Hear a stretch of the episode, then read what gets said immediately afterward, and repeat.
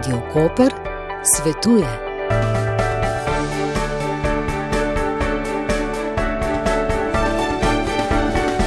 Gospod Erik Markovič, lepo pozdravljeni. Lepo pozdravljeni.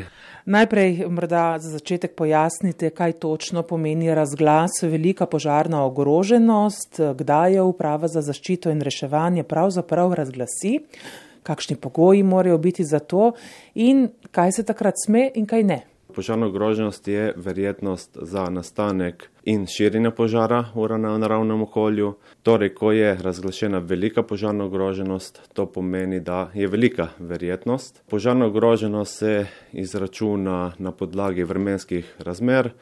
Torej, ko je ko sušno obdobje, visoke temperature, torej sonce, brez padavin, torej pomeni nizka vlažnost, veter tudi pripomore k temu, izsuši pač rastline, torej pomeni, da voda iz rastlin izhlapeva in to pomeni, da tudi se poveča unetljivost in zato tudi verjetnost za širjenje požarov je, je večja. No.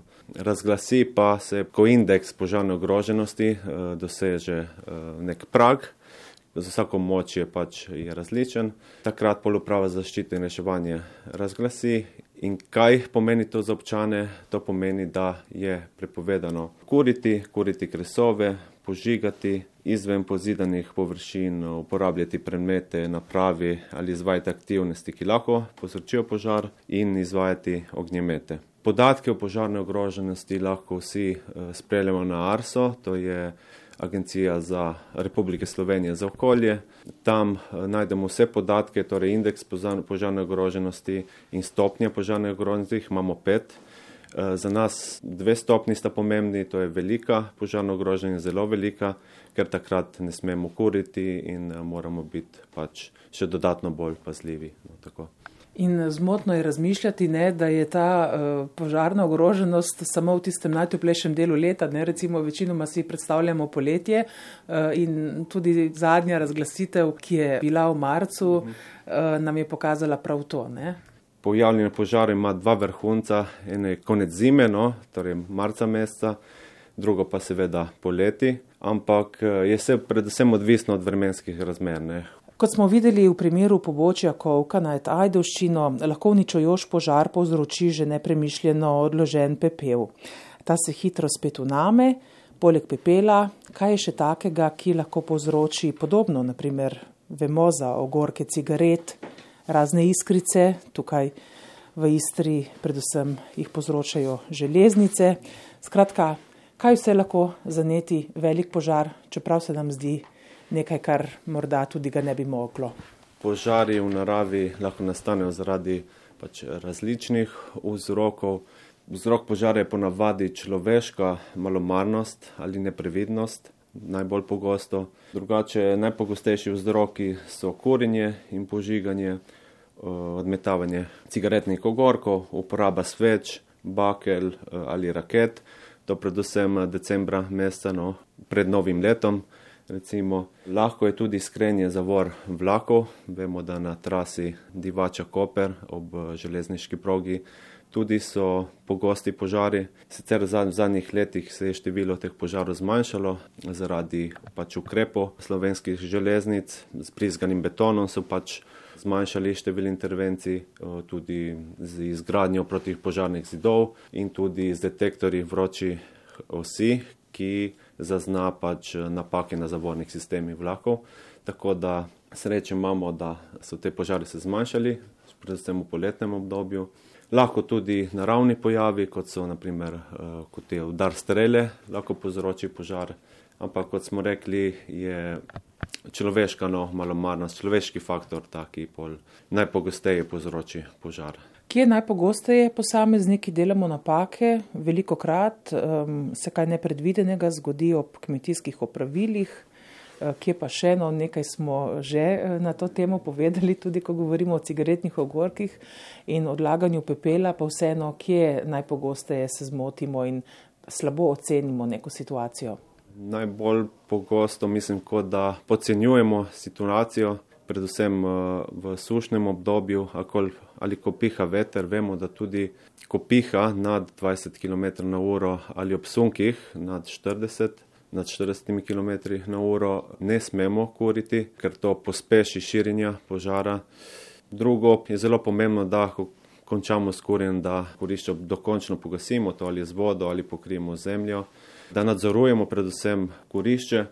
O koriščih bova tudi nekoliko v nadaljevanju, namreč začenja se to obdobje piknikov, ko bomo vsi bolj zunaj, verjetno bomo pogosteje tudi kurili, ampak še prej me zanimajo tudi vaši podatki.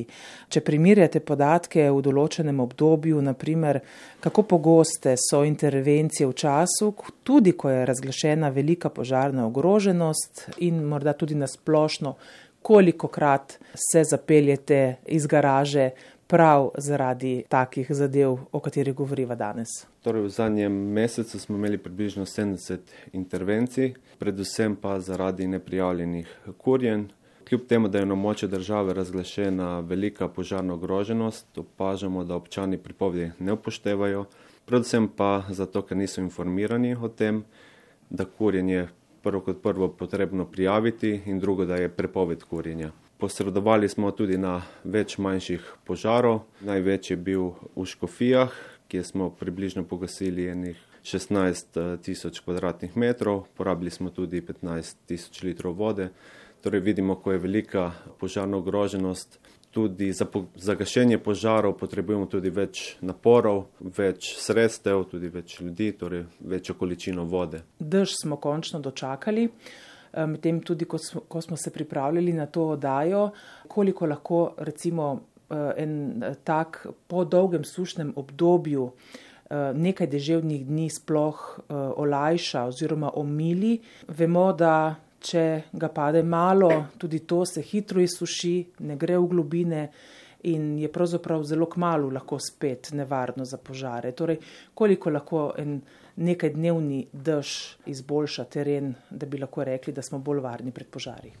Vse bo odvisno od količine padavin. Že dolgo ni bilo konkretnih padavin, eh, zato če bo premalo, bo tudi sušna situacija se ne bo bistveno izboljšala. Lahko da bomo imeli večer mir za par dni, ampak čim bo nazaj vroče ali bo pihalo, se bo hitro nazaj sušilo in uh, tako bomo spet mogli biti previdni. No. Pa če nadaljujeva s korišči, kot sva že prej omenila, tudi ta sezona se približuje oziroma je že kar tu, eh, dlje bomo zunaj, verjetno večkrat um, tudi organizirali oziroma bili priča uh, piknikom, uh, zato morda velja znova uh, ponoviti, kako pravzaprav pravilno pripravimo korišče.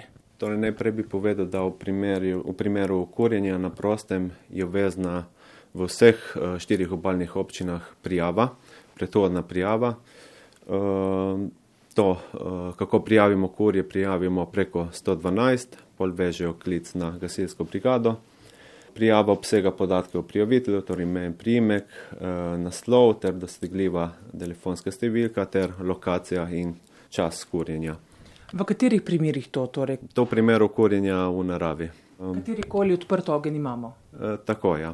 Če govorimo pač o korišču, kako pripravimo korišče, ko kurimo v naravi, mora biti seveda korišče urejeno, tako da je obdano z negorljivim materialom, moči v oddaljenosti vsaj meter od znanjega roba očiščene vse gorljivih snovi. Korišče nadzorujemo ves čas kurjenja in po končanem kurjenju ogen popolnoma pogasimo. Svetujem, da imamo tudi zraven korišča gasilna sredstva, boljše je voda, če imamo gasilni aparat tudi lahko tudi z lopato ali kako grablje, lahko pol potočemo, če bi se razširilo. Kaj je pa prepovedano, bi podaril, da prepovedano je požigati, odmetavati goreče ali druge premete ali snovi, ki lahko povzročijo požar, uporaba vnetljivih, eksplozivnih, oksidativne snovi. V naravnem okolju je prepovedano tudi kurjenje odpadkov, lahko kurimo samo zeleni rez in seveda v gozdu pa ne smemo kuriti in tudi v bližini gozda. Posledice so, ne, tudi globe so predpisane, kdo potem obravnava te kršitve? Te kršitve pol obravnava policija. Kako pa ravnamo v primeru, da se vendarle kaj zgodi, da nam ogen ujde izpod nadzora? Spomnimo se tudi na vaših dnevih odprtih vrat, ko prikažete, kako nikoli z vodo ne gremo na olje, naprimer, in več takih manjših pravil je, ki pa lahko veliko preprečijo. Torej, ko nam ogen uide iz korišča, je spet odvisno od velikosti požara. Zdaj, če je zagorelo v manjšem obsegu in je seveda to varno, se bomo lotili sami gašenja, kot sem prej omenil, lahko z vodo. Če imamo zraven gasilnega aparata, lahko potočimo z lopato. Če pa je, postaje že nevarno ali požar se je razširil do, do te mere, da sami ne moremo tega pogasiti, eh, ne mudoma pokličemo na 112, seveda prej se damo na varno mesto, pokličemo na 112. Pomembno za nas je, da izvemo takoj lokacijo kurjenja oziroma požara, v tem primeru drugo obseg požara, če lahko ocenimo. Zdaj eh, je zelo pomemben podatek, ker iz tega tudi vemo, kako bomo izvozili, se bomo pripravili oziroma s katerimi vozili, s kolikimi ljudmi. Če je kurišče oddaljeno od glavnih cest, najboljše, da pričaka, nas nekdo pričaka na cesti, da nam pač pol usmeri. V kolikih minutah izvozite lahko? Na gasilski brigadi smo enota sedme kategorije, zato za nas je obvezno, da izvozimo v eni minuti. Zdaj, če gre za gozni požar, kakšenkrat si ogledamo raj prej tudi lokacijo, da pol ne izgubimo dodatnega, pač dodaten čas za, za iskanje nožarišča oziroma požara. Se pripravljate kaj posebej zdaj na poletno sezono, običajno je takrat dela več? V tem obdobju, ko je razglašena velika požarna ogroženost, tudi prostovoljna gasilska društva organizirajo pač straže oziroma obhodi preventivni. Eh, na gasilski brigadi smo povečali pripravljenost, to pomeni, da nas je malo več v službi in da tudi izmene, ki so eh, doma, so v pripravljenosti. Tako da na tak način pol. Se pripravite. Ja, Ob koncu še enkrat poziv. Vemo, da je s parkirišči težava, pravzaprav vse posod, pa vendarle na intervencijsko pot se ne parkira, pot mora biti prosta, tu so strnjena naselja, to vedno ne. Nekako še kljub temu, da govorimo o požarih v naravi, se moramo spomniti tudi na to. Ja, seveda, eh, za nas je zelo bistveno, da pridemo čim prej do lokacije in v tem primeru, če so intervencijske poti eh, zaparkirane, nam bistveno podaljša čas do kraja no, uh, intervencije. Zato priporočamo, da raj ne zaparkiramo te poti. Te poti so dobro označene, tudi tako, da ne more nihče reči, da jih ni videl. Gospod Erik Markovič, najlepša hvala. Srečno delo. Seveda si želimo vseeno, da bi ga bilo čim manj na terenu, da bi bilo več recimo časa za usposabljanje, tudi povezovanja z lokalno skupnostjo, šolami, ne, to tudi počnete. To je tako, ja. Dosti sodelujemo s šolami in z vrci, ozaveščamo že otroke in mladostnike. Je se mi zdi zelo pomembno dela tudi preventivno, ker s tem torej preprečimo nastanek požarov in konc koncev tudi lažje bomo reagirali, no, bo se bomo znali odzvati in na požare in na ostale nesreče. Hvala lepa in srečno. Hvala vam in lepo zdrav vsem. Radio Koper svetuje.